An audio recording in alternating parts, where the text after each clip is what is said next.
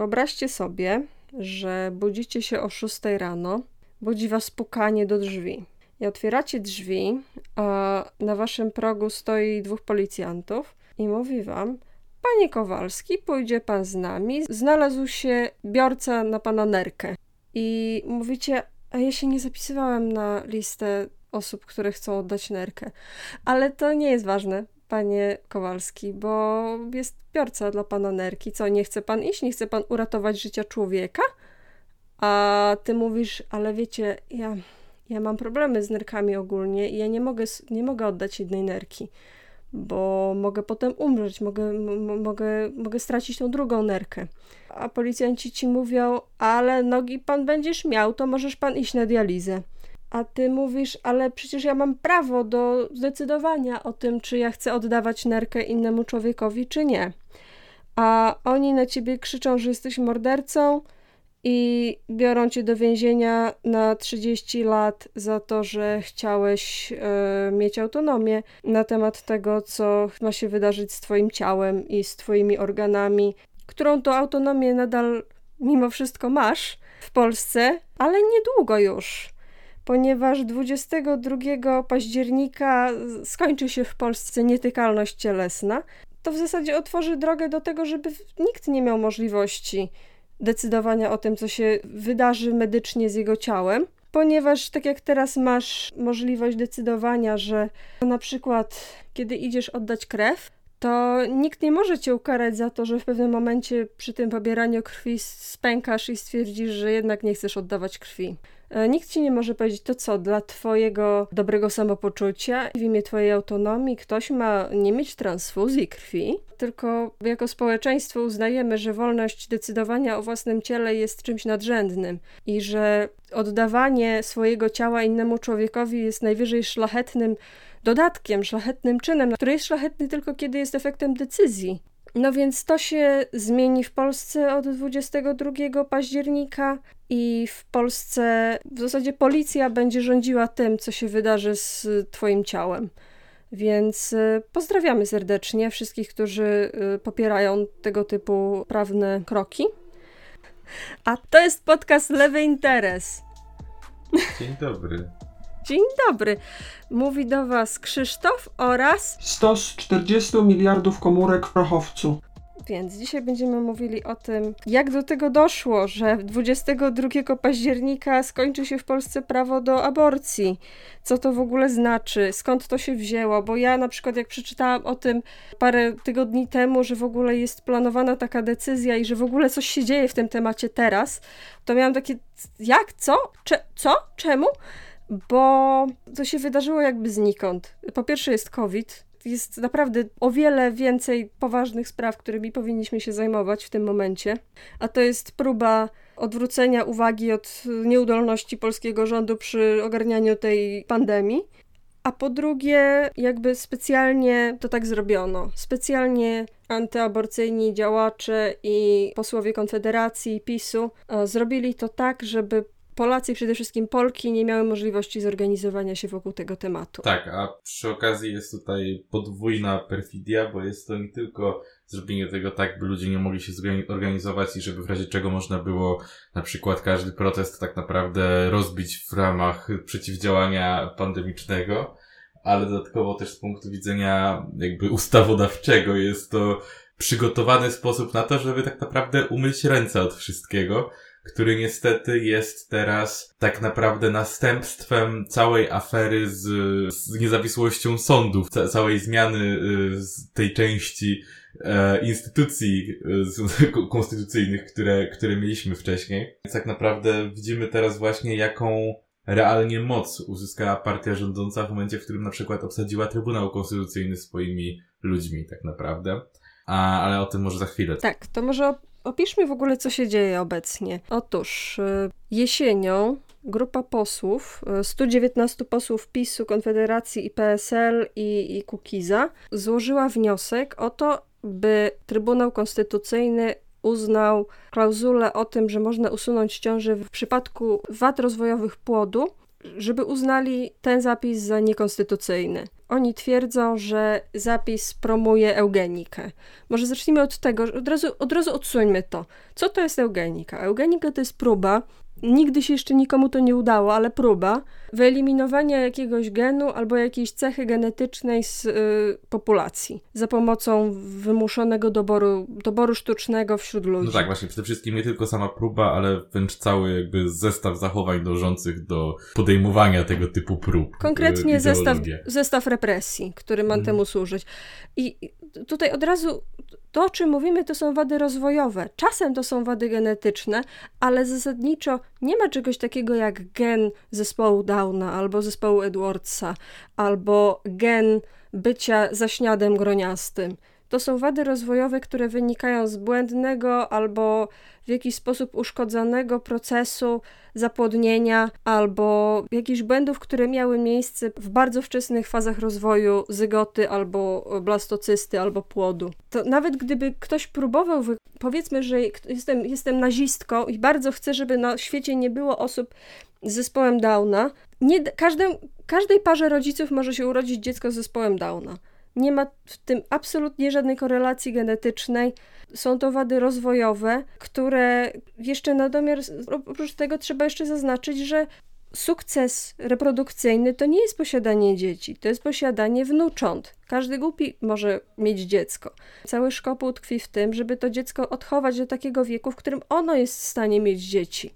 I, i dlatego jakby mówienie o tym, że osoby z zespołem Downa są poddawane eugenice, ale osoby z zespołem Downa albo są bezpłodne, bo mężczyźni z zespołem Downa są bezpłodni, albo mają bardzo nisk, niskie szanse na to, żeby osiągnąć taki sukces reprodukcyjny z racji swojej przypadłości, a nie z racji tego, że są, że, że są poddawani eugenice. Zresztą większość chorób, które wynikają właśnie z no, nie, nie, nieprawidłowego e, rozwoju, jakby właśnie w takich sytuacjach, w których jest wada genetyczna, ale wada, która nie jest dziedziczną wadą genetyczną, no to większość tego typu e, właśnie zespołów wiąże się z e, bezpłodnością lub bardzo obniżoną płodnością. I tak naprawdę ta, to nazwanie tego eugeniką jest, jest durne i szczerze mówiąc nawet chciałem właśnie zwrócić uwagę, że, że szanse na posiadanie potomstwa z zespołem Downa rosną z wiekiem matki, a nie, e, nie są przypisane do jednostki. Jeszcze chciałam dodać, że uważam, że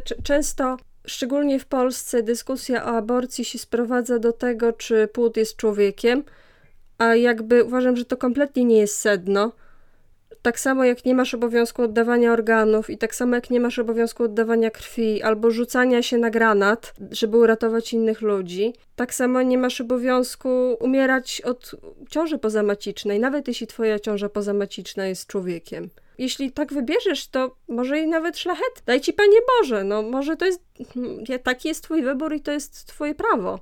Ale to jest coś szlachetnego i moim zdaniem jest w tym coś pozytywnego tylko wtedy, kiedy to jest wybór. Czy, człowiek przymuszony do tego, żeby rzucił się na granat, nie wiem, czy można go nazwać szlachetnym człowiek przymuszony do tego, żeby rzucić się pod tramwaj, żeby kogoś ocalić, nie, nie, sądzę, żeby to było szlachetne z jakiejkolwiek strony, czy tego, kto go przymusza, czy ze strony tego człowieka. Uważam, że to, to czy płód jest człowiekiem i to, czy ciąża w jakimkolwiek, jaki jest dokładnie, kiedy dusza wnika w człowieka, to jest mhm. kompletnie kulą w płot w ogóle pytanie dotyczące aborcji. Bym się bardziej trzymała tego, czy wolno w imię jakby liczbowego, utylitarnego sprawiania, żeby liczba ludzi wzrastała, czy w imię tego chcemy sprawiać, żeby jakość życia wszystkich ludzi była gorsza?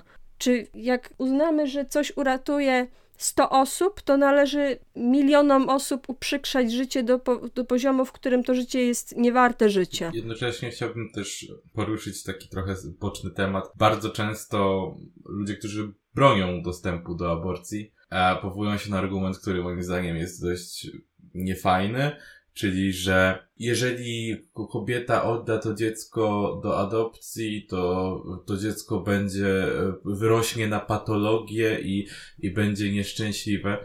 I szczerze mówiąc, strasznie mnie zawsze denerwuje ten argument, bo po pierwsze jest w pewnym sensie ekstremalnie klasistowski i, i to jest mhm. jakby... Dehumanizujący tak naprawdę tak. dla kobiet, które mają dzieci. I, i dehumanizujący dla, dla dzieci z domów dziecka i dehumanizujący dla ludzi, którzy y, są biedni i jest po prostu w jakiś sposób taki klasistowski i sugeruje jakiś strach przed, przed biedą, ale nie taki strach przed biedą osobistą, tylko przed ludźmi, którzy są biedni. I to taki właśnie dehumanizujący strach. A Mhm. Druga rzecz to. Jeszcze inny wariant tego argumentu, który słyszę, to jest y, też ze strony proaborcyjnej, że jak, jak chcecie, żeby się dzieci rodziły, to je adoptujcie. Jestem przeciwna temu argumentowi, bo uważam, że absolutnie nie każdy, nawet dobry rodzic normalny się nadaje na rodzica adopcyjnego.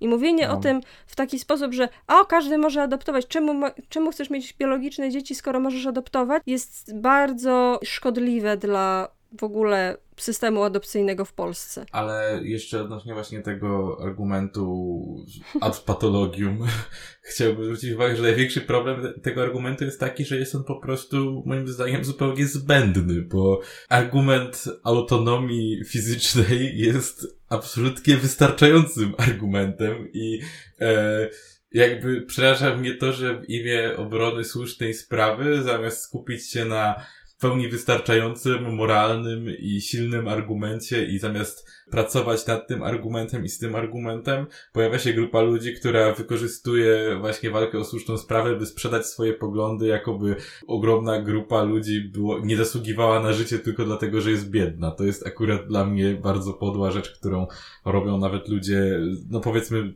może z lewej, chociaż bardziej ogólnie hmm. ludzie o liberalnych poglądach i y, chciałbym po, zaapelować tutaj, proszę nie róbcie tego, po prostu nie róbcie tego. Nie róbcie tego. Brońcie, broń, brońcie tego. prawa do wyboru, ale nie używajcie argumentu, że y, fajnie jak będzie mniej biednych ludzi. W sensie, fajnie jak będzie mniej biednych ludzi, ale walczmy o to poprzez poprawianie stanu życia ludzi, a nie wybór, żeby pozbawiać prawa do życia tych ludzi, którzy mieliby być biedni, bo to nie tędy droga po prostu. Mhm. Dobrze, a jak już mówimy o patologii, chciałabym pomówić o posłach, którzy złożyli ten wniosek. Wniosek, pierwszy raz złożyli tak sami, taki sam wniosek w 2017 roku. Posłowie to są dwaj z PiSu, się nazywają Bartłomiej Wróblewski i Piotr Uściński. Złożyli taki wniosek wtedy. I uwaga, wtedy było tak, że nowo mianowana przez PiS prezes Trybunału Konstytucyjnego Julia Przyłębska odmówiła głosowania i odnoszenia się przez Trybunał do tego wniosku przez dwa lata. Aż w końcu z rozpoczęciem nowej kadencji Sejmu został umorzony. Teraz złożyli ten wniosek po wyborach prezydenckich. Ona przetrzymała najprawdopodobniej ten wniosek, dlatego że wtedy PiS starał się o sukces w wyborach samorządowych, a później w wyborach do Parlamentu Europejskiego, a potem jeszcze w wyborach parlamentarnych w 2019 roku, e, a teraz w wyborach prezydenckich. Więc e, nie chcieli tego robić, żeby nie robić burdy przed wyborami. E, ale teraz jest przed nami trzyletni okres bez wyborów mm, i mamy idealny moment, kiedy nikomu nie wolno protestować, więc jest świetny moment na to, żeby zabronić e, absolutnie aborcji. Konkretnie ten wniosek, e, wniosek dotyczy aborcji związanych z wadami rozwojowymi płodu. I, I, to jest niby tylko jeden typ aborcji, ale spośród 1100 legalnych aborcji w Polsce w 2019 roku 1074 to były aborcje z powodu wad płodu. Chyba tylko trzy, trzy przypadki to były e, aborcje w wyniku przestępstwa, czyli gwałtu albo kazirodztwa. Bo jak wiemy, typowy polski prokurator nie akceptuje w ogóle takiego pojęcia jak gwałt. Robiono takie badanie kilka lat temu, że opisywano prokuratorom różne sytuacje i wyszło na to, że nic nie jest gwałtem. Mm. No tak, jak ostatnio było przecież te dwie sprawy, tak? Gdzie było tak, wykorzystanie tak, bezradności tak, tak, i coś tam jeszcze. Tak, no osoby, która potem musi jeździć na wózku do końca życia, bo była pobita tak bardzo. Samo sam zakaz aborcji z powodu wad płodu to jest w zasadzie zakaz aborcji. Bo pozostałe, pozostałe powody już dawno w praktyce i tak są odrzucane tak naprawdę. E, dobrze, to teraz chciałabym pomówić o tym, jak to w ogóle działa z tą aborcją? O co chodzi ze śniadem groniastym? Czemu naszym zdaniem wady rozwojowe płodu to jest po pierwsze nie, nie ma to żadnego związku z eugeniką, a po drugie absolutnie nie wiem, jak bardzo trzeba mrużyć oczy i patrzeć pod kątem, starać się przekonać o rzeczach, które nie mają żadnych podstaw w nauce, żeby sądzić, że zaśniat groniasty jest y, człowiekiem. E, może przeczytam, jak powstaje zaśniat groniasty. Mm, to jest niezłośliwa Tutaj daję dużą gwiazdkę, wrócę do niej. Niezłośliwa postać ciążowej choroby trofoblastycznej. To znaczy, że zaśniat powstaje w wyniku nieprawidłowego zapłodnienia komórki jajowej, która się implantuje i rozwija w macicy. E, I polega to na tym, że zapłodniana jest komórka pusta, czyli komórka pozbawiona matczynego materiału genetycznego. Czyli masz e, sam materiał genetyczny jakby z plemnika. Dlatego absolutnie nie ma możliwości, według żadnego cudu medycyny, żeby to się rozwinęło w cokolwiek przypominającego żywy organizm. To nigdy nie będzie organizmem, to będzie najwyżej niezłośliwy guz, bardzo prawdopodobne, że nieleczony stanie się złośliwym nowotworem albo potworniakiem. Jeśli oglądacie to na YouTubie, to widzicie w tym momencie pokaz slajdów potworniaków i zaśniadów. I możecie, jeśli teraz nie oglądacie na YouTubie, to sobie wejść, tak sobie, no możecie sobie szybciej puścić, tylko po, przeklikać się przez te slajdy i powiedzcie mi, na którym z tych zdjęć widzicie coś, co nazwalibyście dzieckiem. I dajcie znać, na którym konkretnie zdjęciu to widzicie. Bo ja, powiem szczerze, widzę najwyżej coś w rodzaju bardzo zgniłego granatu, taki owocu granatu, albo bardzo zgniłych winogron. Ale przecież w wyniku zapłodnienia powstaje nowy człowiek. Twoja stara powstaje w chwili zapłodnienia. Już od chwili zapłodnienia jest człowiekiem. Wyobraź sobie, że przyjeżdża twoja randka z Tindera i okazuje się, że koleś jest kiściem winogron.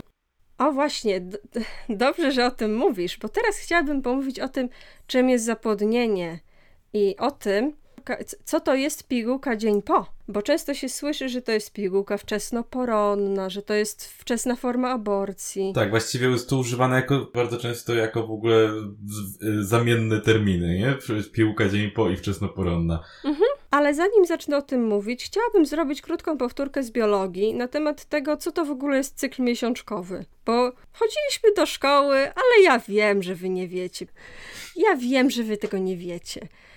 To, to, żaden wstyd w sumie. Myślę, że jesteśmy bardzo źle uczeni tego, bardzo, w bardzo taki nieprzystępny sposób i myślę, że nawet dużo kobiet, nawet dużo kobiet, które mają dzieci, po prostu nie rozumieją tego i to w sumie nie jest ich wina, bo to nie jest wcale takie łatwe do zrozumienia. Dobra, to chciałabym zacząć od tego. Generalnie działa to tak.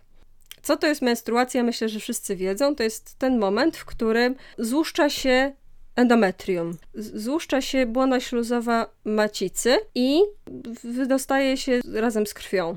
No wiemy, że tam są objawy bólowe, krwawienie, to jest najbardziej jakby uniwersalny rodzaj, rodzaj objawów, który się na pewno zgłasza. Nie będę mówić o PMS, bo PMS jest bardzo kontrowersyjny, jeśli chodzi o, o badaczy. Możecie sobie pogooglać, ale generalnie bardzo dużo naukowców sądzi, że PMS jest wymyślone. Zresztą i... wspominaliśmy o tym już w jednym odcinku. Tak, wspominaliśmy o tym bodajże w drugim odcinku. Drugi, mhm. nasz, w odcinku Marksizm, Barbizm dokładnie mówiliśmy o badaniach, które wskazują na to, że PMS jest konstruktem społecznym stworzone przez kapitalistyczne świnie. Ale jeszcze chciałem zwrócić uwagę, że właśnie menstruacja jest tak bardzo przez, przez jednoznaczne objawy jest tak bardzo mm, kojarzona z całym cyklem, że przecież wprost mówi się potocznie, że to jest okres, tak? Chociaż y, mimo tego, jak bardzo niepoprawne jest to określenie, jak się nad tym zastanowimy, ale że jakby dla wielu ludzi to jest właściwie no, taki jedyny, jedyny element e, całego cyklu, z którym ludzie są jako tako zaznajomieni, mhm. a reszta to już jest trochę magia. E, dobra. I teraz tak. Jak już e, mamy menstruację, menstruacja oznacza, że nie doszło do zapłodnienia. I po miesiączce jest tak zwana faza folikularna, czyli tak zwana faza proliferacyjna, czyli faza, w której się rozwija ten dopiero co złuszczony nabłonek ślu błony śluzowej macicy. I wtedy się e, zwiększa wydzielanie tak zwanego FSH, czyli hormonu, który pobudza pęcherzyki grafa, i estrogeny, czyli też, też hormony, które po, pobudzają pęcherzyki grafa. Pęcherzyki grafa są produkowane w jajnikach. Te pęcherzyki grafa, które są obecne w jajniku od urodzenia, to się mówi, że jak, jak, się mówi, że kobiety mają skończoną liczbę komórek jajowych, to właśnie o to chodzi, że te pęcherzyki, ma, urodzisz się z tymi pęcherzykami. Te pęcherzyki rosną i w końcu pęka, w końcu jakby jeden, ten najlepszy, najsilniejszy byk, pęcherzyk grafa zostaje i osiąga dojrzałość, a reszta znika jakoś tak więdnie i ten pęcherzyk, jak już się robi duży byk, to wtedy pęka i uwalnia komórkę jajową. I to uwolnienie komórki jajowej to jest owulacja. Do, dojrzewający pęcherzyk wydziela coraz więcej estradiolu, i różnych estrogenów, które pobudzają macicę do namnażania się i wzrostu błony śluzowej. Kiedy pęcherzyk grafa pęknie i zostanie wyrzucona ta komórka jajowa, w tym samym czasie akurat wzrasta poziom estrogenów na tyle, że powoduje to wydzielenie tak zwanej lutropiny, czyli hormonu, który sprawia, że pęcherzyk grafa zmienia się w ciałko żółte. Wrócimy do tego zaraz. I w tym samym czasie ten, ta lutropina stymuluje komórkę jajową, inaczej to jest znany jako oocyt drugiego rzędu, i osłabia ściany pęcherzyka. I w tym czasie jest, y, dzieje się właśnie uwolnienie y, komórek jajowych z pęcherzyka. Potem, po tym wyzwoleniu z, z pęcherzyka, ocyty są wyłapywane przez jajowód. I dzieje się to tak, że dzieje się symetrycznie. W jednym miesiącu tu lewy jajnik wyrzuca z siebie komórkę jajową do, do jajowodu, a potem prawy, a potem lewy, a potem prawy. Jeśli akurat się tak zdarzy, że oba wypuszczą naraz, to wtedy możesz mieć yy, zapłodnienie i yy, zapłodnienie obu komórek i wtedy masz bliźniaki dwujajowe. Tak to bywa. No i tak to generalnie działa. Jak już mamy, jak już mamy w jajowodzie jajeczko, y, komórka jajowa przebywa w jajowodzie i akurat napotka na plemnika, to może dojść do zapłodnienia. Niekoniecznie. Często nie dochodzi, ale może dojść. Dobra, i teraz jak już zrobiliśmy ten wstęp, to tło, to teraz pogadajmy o tym, co robią pigułki dzień po.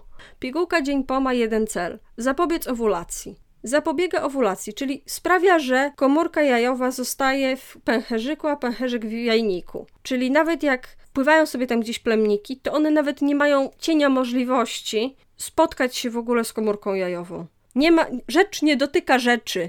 Więc jaką wy chcecie robić tutaj aborcję wczesną? Jak nawet się nie ma zygoty, nawet nie próbują się ze sobą, oni nawet nie wiedzą o swoim istnieniu. Ten plemnik i, te, i ta komórka jajowa żyją na innych planetach, bo komórka jajowa jest 8 ścian od, od tego plemnika. Owszem, czasem, czasem istnieją takie pigułki dzień po, które stosują e, ten sam, tą samą substancję, która, która jest stosowana również w lekach, które powodują aborcję, ale teraz e, mam nadzieję, że udowodniłam, że Ella One, która jest obecnie na receptę, a być może niedługo zostanie zakazana. Jest regularnie zwalczana swoją drogą i przez głównie środowiska kościelne i konserwatywne, ale tak naprawdę jeszcze naprawdę nie tak dawno temu była dostępna zupełnie tak o w sklepie i szczerze mówiąc ten, ta decyzja już wcześniej by to było na receptę jest dla mnie tak absurdalna, bo usprawiedliwienie tego rozumiem jest takie, że no bo to jest niezdrowe, gdy się tego bierze dużo i często, ale tabletki i tak kosztowały ponad 100 zł i się zastanawiam, kto kto by dla, nie wiem, rekreacyjnie albo żeby za, za, zamiast kondoma za, za 3-4 złote używał za każdym razem tej tabletki, mm. to jest jakieś takie, dla mnie to było od początku oczywiście ideologiczne, ale zamaskowane za ochronę ludzi uważanych za debili po prostu przez system tutaj, bo nie wiem jak inaczej usprawiedliwić decyzję, żeby to było na receptę, bo co, bo musisz pójść do ginekologa i powiedzieć mu, że ci guma pękła, jakby to jest tylko i wyłącznie po to, żeby uprzykrzyć ludziom życie, tak, tak naprawdę. Tak, i upokorzyć ludzi. Y, I teraz chciałabym opowiedzieć o, wracając już do samej aborcji co się wydarzyło w El Salvadorze. Bo pewnie ludzie, y, którzy nas słuchają, znają przypadek El Salwadoru i prawa, które działać będzie w zasadzie tak samo jak nasze. Jedyna nadzieja u nas jest taka, że ponieważ społeczeństwo jest trochę bardziej podzielone pod tym względem i i środowisko lekarskie jest trochę bardziej podzielone, to jest mniejsza szansa, że lekarze będą pełnić funkcję kapusiów. I przytoczę Wam jeden przykład. Była to pani z. Pani się nazywała Maria de Castro. Dowiedziała się, że jest w ciąży. Nie wiedziała, jak długo była w tej ciąży. Pewnego dnia poczuła silny ból brzucha, poszła do łazienki i poroniła. Po czym na skutek ciężkiego krwotoku zemdlała. Obudziła się w szpitalu, w którym lekarz podejrzewał, że mogła mieć aborcję, więc na wszelki wypadek doniósł na policję. Została skazana na 30 lat więzienia. Obecnie w El Salwadorze 17 kobiet siedzi w więzieniu za rzekomą aborcję. Przy czym oczywiście kwitnie prawdziwy rynek nielegalnych aborcji.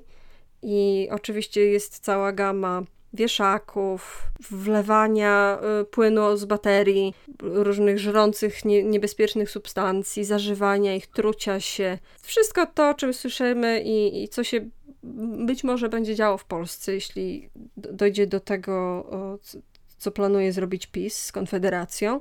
Jakby ja już trochę mówię o tym bez specjalnej nadziei, bo w zasadzie wiadomo, jaka będzie decyzja sądu, decyzja Trybunału Konstytucyjnego dotycząca tego, tego prawa. Andrzej Duda też wielokrotnie zapewniał, że podpisze ustawę zakazującą aborcji. Więc tak naprawdę jakikolwiek organ potencjalnie blokujący to po prostu wszystkie są w tej chwili ułożone zgodnie z tym, co chce PiS, a tak naprawdę dodatkowo współczesny jakby tryb, w którym to będzie rozstrzygnięte, tak naprawdę na przykład pomija Senat zupełnie i mm, przede wszystkim pozwoli PiSowi zupełnie umyć ręce tak naprawdę od tego jako partii, jako e, parlamentowi. Trybunał Konstytucyjny w teorii służy do tego. To jest trochę jak taki, jak e, Supreme Court w Stanach i to działa troszkę tak, że pierwotnie miał e, na bieżąco pojawiające się e, ustawy, e, które trafiały do prezydenta do podpisania. Prezydent mógł te ustawy skierować do Trybunału Konstytucyjnego, by ten określił, czy one w jakiś sposób nie godzą w, no nie są sprzeczne z konstytucją. Z czasem zostały poszerzone kompetencje TK do tego, że mogą także wstecznie rozpatrywać istniejące już ustawy, uznać jakieś za niekonstytucyjne i wtedy są one, trzeba, trzeba je po prostu zmienić i nie ma odwołania tak naprawdę decyzji TK. I ogólnie warto wspomnieć, że już w 97 e, Trybunał Konstytucyjny e, właśnie ograniczył dostęp do aborcji, bo wtedy funkcjonowała ustawa, która pozwalała na przerwanie ciąży w sytuacji, w której e, matka oznajmiała, że jej urodzenie dziecka znacznie pogorszy jej stan życia. Chodziło także o ekonomiczne przeszkody, ale uznano, że to jest e, niedostateczny powód, żeby e, że, że to prawo do, do decydowania o swoim dobrobycie e, nie może tutaj jakby być ważniejsze od ochrony życia poczętego. I w rezultacie zostało to już wtedy ograniczone, no i teraz ograniczone to zostanie po raz kolejny, bo warto tutaj wspomnieć, że w Trybunale zasiada innymi Krystyna Pawłowicz, mm -hmm. E, a więc ogólnie powinno to pokazać, jak, jak, bardzo. To jest śmieszne, bo Trybunał był tak zaprojektowany, żeby e, teoretycznie był niepartyjny, żeby był totalnie obiektywny, nienacechowany ideologicznie i tak dalej, i tak dalej, ale obecnie jest tam Krystyna Pawłowicz, co powinno powiedzieć właściwie dostatecznie dużo o tym, jaki tam musi być obecnie e, poziom bezstronności i szacunku dla prawa. E, więc innymi słowy, w tym momencie przejdzie tak, że Trybunał popatrzy chwilę, powie, no faktycznie to jest, e, to, to, to godzi w prawa płodów i e, guzów niezłośliwych do bycia nie, nieabortowanymi i z automatu w tym momencie e, ten fragment ustawy, która gwarantowała prawo do aborcji w tym przypadku zostaje wykreślony, bo uznany jest za niesprzeczny z konstytucją. Po prostu ale tak naprawdę nic, nic nie można z tym zrobić. Mm. I przy okazji PiS może powiedzieć, że przecież to nie oni zrobili, przecież to nie jest tak, że oni przepchnęli jakąś ustawę, po prostu okazało się, że to poprzednia ustawa była zła i była niekonstytucyjna. Oni muszą słuchać TK, bo przecież e, to jest podstawa praworządności. I tak naprawdę jest no przejebane. No, no przejebane. Ponieważ jest tak przejebane, to resztę tego podcastu dzisiaj chciałabym poświęcić opcji najgorszej. To znaczy, powiedzmy, że zostajemy El Salvadorem. Powiedzmy, że staj, stajemy się krajem policyjnym, w którym możecie za choćby próbę, czy choćby próbę szukania informacji na temat aborcji, zostać skazanymi na więzienie. Co robić w takiej sytuacji? Jakie macie środki dostępne? Jak wygląda aborcja w domu? Jak wygląda aborcja medyczna i do jakich organizacji możecie się zwrócić w, w razie gdybyście potrzebowali, potrzebowały takiej e, pomocy? E, zacznijmy od tego, jak działa aborcja medyczna. Aborcja medyczna od razu, zanim wszystko, mm, od razu zacznę od tego, że jeśli nie macie ciąży pozamacicznej, to nie musicie się w ogóle obawiać tego, że wystąpią komplikacje u Was. Jeśli wasza ciąża jest potwierdzona jako niepozamaciczna. Jeśli nie cierpicie na choroby krwi, jeśli nie cierpicie na jakieś ważne, chroniczne choroby, które mogą was zabić tak czy owak, to zażycie tabletek aborcyjnych we wczesnej ciąży, wczesnej, czyli do 12 tygodnia, jest bezpieczniejsze statystycznie niż użycie wiagry. Według amerykańskiego Stowarzyszenia Medycznego Odsetek przypadków śmiertelnych zażycia wiagry wynosi 1 na 20 tysięcy, a przypadki śmiertelne przy aborcji medycznej i, i wykonywanej e, zgodnie z zaleceniami 1 na 100 tysięcy przypadków.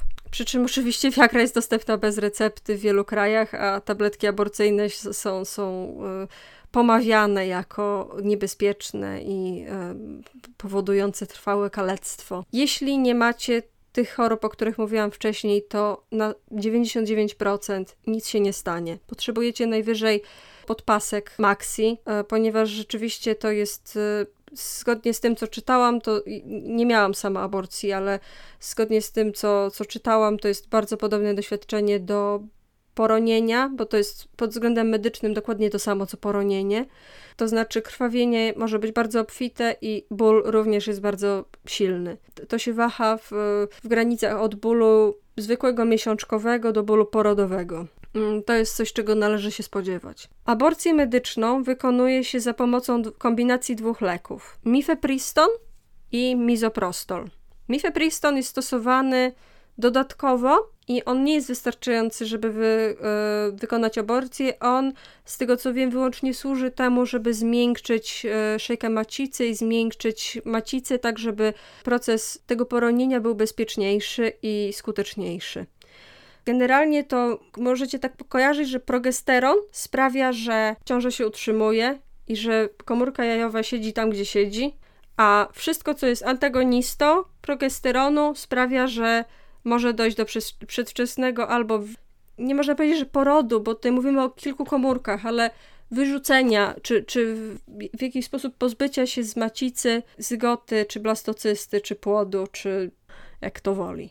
I tak, mizoprostol to jest ta substancja, która wywołuje akcję, można powiedzieć, porodową, która sprawia, że faktycznie dochodzi do poronienia, dochodzi do aborcji. Przez y, aż być może 4 tygodnie to, to jest taki, taka granica normalna. Powoli wydalane, jest, wydalane są tkanki e, płodu czy zarodka. Teraz tak, jak uzyskać takie środki, jeśli ich potrzebujecie. W Polsce macie prawo do prowadzenia na swój użytek czy do otrzymania środków, e, szczególnie do mizo, e, mizoprostolu. Część kobiet decyduje się na to, żeby zrobić aborcję w domu wyłącznie za pomocą mizoprostolu, ale musicie wiedzieć, że to jest zarówno bardziej niebezpieczne, jak i ma mniejszą skuteczność, bo zastosowanie samego mizoprostolu to jest 84% skuteczności, a mifepriston i mizoprostol to 98% skuteczności. To znaczy o wiele lepiej dostać jedno i drugie. Jest legalne sprowadzenie do pięciu opakowań w zasadzie każdego leku. One nie są substancjami nielegalnymi w Polsce, więc możecie je dostać. To nie jest tak, że psy wam wywąchają to czy coś na, na poczcie. E, możecie, możecie to otrzymać. Nie możecie tylko tego sprzedawać. Także przed tym uczulam. Jeśli ktoś wam próbuje sprzedać, to musicie się pilnować. Nie kupujcie absolutnie takich leków z, z niesprawdzonych źródeł. Jest organizacja, próbowałam znaleźć jakieś szersze opinie na ich temat, ale znam tylko jedną osobę. Z trzeciej ręki mam, mam, mam świadectwo, że działają dobrze. Więc y, jeśli ktoś ma doświadczenia z tą organizacją, czy z drugiej, z trzeciej ręki, czy z pierwszej ręki, to bardzo bym prosiła o informacje. Zgodnie z tym, co byłam w stanie znaleźć na ich stronie i wśród moich znajomych, którzy mają jakieś doświadczenia albo znają kogoś, kto ma doświadczenia, są, jest to dobra organizacja, nazywa się Women Help Women. Jest to organizacja międzynarodowa. Możecie na ich stronie zarejestrować się. Jest prowadzony z wami krótki wywiad. Krótki wywiad e, dotyczący waszej historii medycznej i ta organizacja wysyła wam leki, które są potrzebne. Wszyscy, którzy nie potrzebują jeszcze albo nie, sądzą, że nie będą potrzebować, ale są przychylni sprawie, bardzo prosimy, wpłacajcie na ich y, konto coś. Oni bardzo proszą o darowizny. Oni oczywiście z pewnym y, może optymizmem proszą o 75 euro, ale myślę, że przeciętna osoba w Polsce, która potrzebuje aborcji w tak dramatycznych okolicznościach, raczej nie ma 75 euro do podarowania. Więc y, jeśli ktoś jest w stanie sypnąć dychą, dwoma dychami, zapraszam bardzo mocno do tego, bo myślę, że to jest organizacja, której zaskakująco dużo osób może potrzebować w ciągu następnych kilku lat. I im więcej pieniędzy uda im się zgromadzić teraz, tym, tym więcej osób być może uda się uratować. Jest też druga organizacja, to znaczy tak. Mm, to, o czym mówiłam, to jest wariant optymistyczny. To znaczy wariant, w którym nie macie. Ciąża nie zagraża waszemu zdrowiu. Jesteście zdrowe, zdrowi. Mm, jesteście w stanie mieć aborcję w domu. Macie do tego warunki, ma... nie boicie się po prostu, nie, nie boicie się, że ktoś was zakabluje. To jest ten wariant lepszy. Bywa tak, że potrzebne jest odessanie zawartości macicy, jest, jest potrzebna po prostu aborcja chirurgiczna.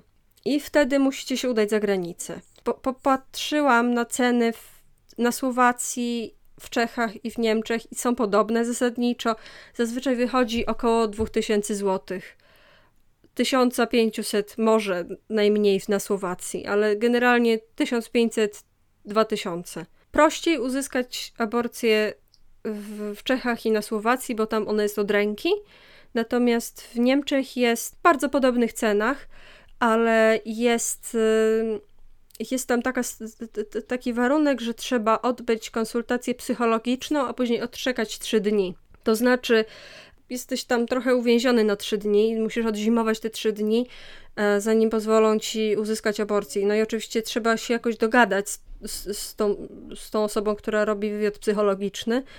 Więc jeśli jesteście w takiej sytuacji, potrzebujecie czegoś takiego, to istnieje organizacja, która się nazywa Ciocia Basia. Mają fanpage'a na Facebooku. W przypiętym poście też mają prośbę o datki i bardzo bym zalecała wpłacać datki. To jest organizacja, która zapewnia miejsce, gdzie można się zatrzymać w czasie tych trzech dni do odzimowania mają zaprzyjaźnioną klinikę, która daje im zniżki na te aborcje i pomagają sfinansować szybką aborcję dla osób, które jej potrzebują. Bo w Niemczech y, ona jest na życzenie do 12 tygodnia, a polscy lekarze bardzo często czekają do, ostatnich, do ostatniego możliwego momentu, albo to, to już jest y, coś, co przeczytałam, nie, nie, nie jest to sprawdzone, ale coś takiego przeczytałam jakby researchując ten temat, y, jeśli ktoś jest w stanie potwierdzić albo zaprzeczyć, to proszę napiszcie, że czasem nie, niektóre szpitale mają umowy albo lekarze mają umowy z zakładami pogrzebowymi, bo w Polsce jest y, nakaz prowadzenia pogrzebu, nadania imienia każdemu płodowi, który ma więcej niż pół kilo. Więc lekarze czasem celowo czekają, aż płód ma pół kilo, aby przeprowadzić albo wydać y, zgodę na aborcję. Jeszcze chciałam, a propos El Salwadoru, dać taki, powiedzmy, hmm, nie wiem, czy to jest użyteczne, ale ciekawe, ciekawy przypadek. Lekarze leczyli pacjentkę, która była w ciąży i cierpiała na bardzo mocny toczeń e, rumieniowaty, który powodował u niej niewydolność nerek, co sprawiało, że ciąża zagrażała jej życiu. Zawnioskowali o zezwolenie rządowe na przeprowadzenie aborcji, nie dostali tego, tej zgody więc postanowili zrobić przedwczesną cesarkę. Tak to nazwali. Obeszli przepis w taki sposób, że zrobili przedwczesną cesarkę. Była to dokładnie ta sama procedura, którą i tak chcieli zrobić, z tą różnicą, że płód wsadzili do inkubatora później. I tyle. Y, płód przeżył chyba 5 godzin, tak czy owak. Ale to jest tylko taki, taki, podaję to jako przykład, że kiedy lekarze chcą pomóc pacjentom, to znajdują sposób, żeby obejść te przepisy. Tylko pytanie, czy kiedy i którzy lekarze chcą pomóc pacjentom. I czy powinni musieć obchodzić te przepisy, jeżeli może to doprowadzić później do sytuacji potencjalnie prawnie obciążającej dla lekarzy wykonujących taki zabieg lub dla osoby, na której ten zabieg wykonano. Hmm. Tak, także to są te dwie organizacje, które z tego co wiem, można na nich polegać i bardzo proszę wszystkich, którzy są w stanie, żeby wspierali te organizacje. Również Women Help Women y, umożliwiają, dają możliwość zakupu pigułki dzień po. Więc jeśli jesteście w potrzebie, to, to możecie spróbować. Jeśli jeszcze nie wiadomo, trochę, trochę, trochę tak się przygotowuję na taki zjazd praw człowieka w Polsce po równi pochyłej. Już się przygotowuję na pełną opowieść podręcznej. Może przesadnie, ale. A, jeszcze jedna ważna rzecz. Jak robicie te wszystkie rzeczy, muszę to dodać, bo jak już, e, jak już się przygotowujemy na opowieść podręcznej, to musimy się liczyć z tym, że pewnie powstanie, już sobie, ja już to widzę oczami wyobraźni, że powstanie jakaś specjalna jednostka policji, która będzie wyłącznie chodzić na e, chodzić po internecie i sprawdzać, kto się wpisuje na forach, że miał aborcję, albo że planuje aborcję, albo że szuka informacji na temat aborcji i, i będą ludzi szpiegować. Więc jeśli jesteście w takiej potrzebie i faktycznie planujecie albo skontaktować się z tymi organizacjami, albo, e, a, a, albo szukacie takich informacji dla osoby, którą znacie, to koniecznie co najmniej przez VPN-a VPN-y też mają swoje, swoje luki. VPN-y nadal mają tą, mają, popraw mnie jeśli się mylę, nadal mają ten centralny serwer, na który jak najbardziej można się wbić i sprawdzić, co jest gdzie przekierowywane. To znaczy teoretycznie, teoretycznie dużo z tych e, serwerów na przykład nie trzyma absolutnie żadnych logów. Ale jak chce, to będzie trzymać. Tak, i dodatkowo y, nie jesteśmy w stanie jak się... Mu. Jak mu powiesz, że ma trzymać, jak mu, jak mu dasz wezwanie do sądu, to Dokładnie. będzie trzymać. Może się wydarzyć, że będzie będzie problem, że, że coś wstecznie nie mogą sprawdzić, ale jeżeli w pewnym momencie ktoś zacząłby to kontrolować, istniałoby ryzyko, że jak najbardziej mogliby mieć dostęp do jakby informacji odnośnie tego, kto co robił i co kto szukał. Więc tutaj też trzeba by zrobić dobry research. Swoją drogą, tutaj jeżeli chodzi o VPN-y, polecam poszukać historii o rajdach na e, serwerownie serwisów VPN-owych i zobaczyć, u których policja coś znajdowała, bo to jest zawsze dobry sposób na zobaczenie, którzy rzeczywiście tych logów nie trzymają, a którzy jednak kłamią. Że jeżeli, jeżeli gdzieś jest mhm. głośno o tym, że kogoś najechała policja i nic im nie udało uzyskać, to znaczy, że y, warto rozważyć tych dostawców, ale to wciąż nie jest ostateczne rozwiązanie tak. czasami. Y, jeszcze jest Tor oczywiście, z którego można skorzystać. Jeśli się kontaktujecie na komunikatorach z tymi osobami, wydaje mi się, że ciocia Basia ma Telegrama, ale Telegram i Signal to są te komunikatory, które szyfrują dane, nie przechowują ich i można też ustawić znikające, e, znikające wiadomości, które są naprawdę znikające, nie tak jak u Facebooka, tylko takie, że naprawdę u ciebie nic nie znajdą. E, o ile nie masz jakiejś, jakiegoś Pegasusa, czy, czy chociaż wątpię, żeby im się chciało instalować u każdej kobiety na, na komórce Pegasusa. No. Także to jest, to, to, to, to są wasze opcje i mamy nadzieję, że nie będą wam potrzebne. Życzymy wam tego, żeby nic z tego się nie przydało, co mówimy. Jedyna rzecz, którą można jeszcze wypróbować, to jest kontaktować się bezpośrednio z członkami Trybunału Konstytucyjnego i kontaktować się z kancelarią Trybunału Konstytucyjnego. W opisie damy link do ich strony, na której jest cała lista różnych adresów mailowych i numerów telefonów, na które możecie zadzwonić.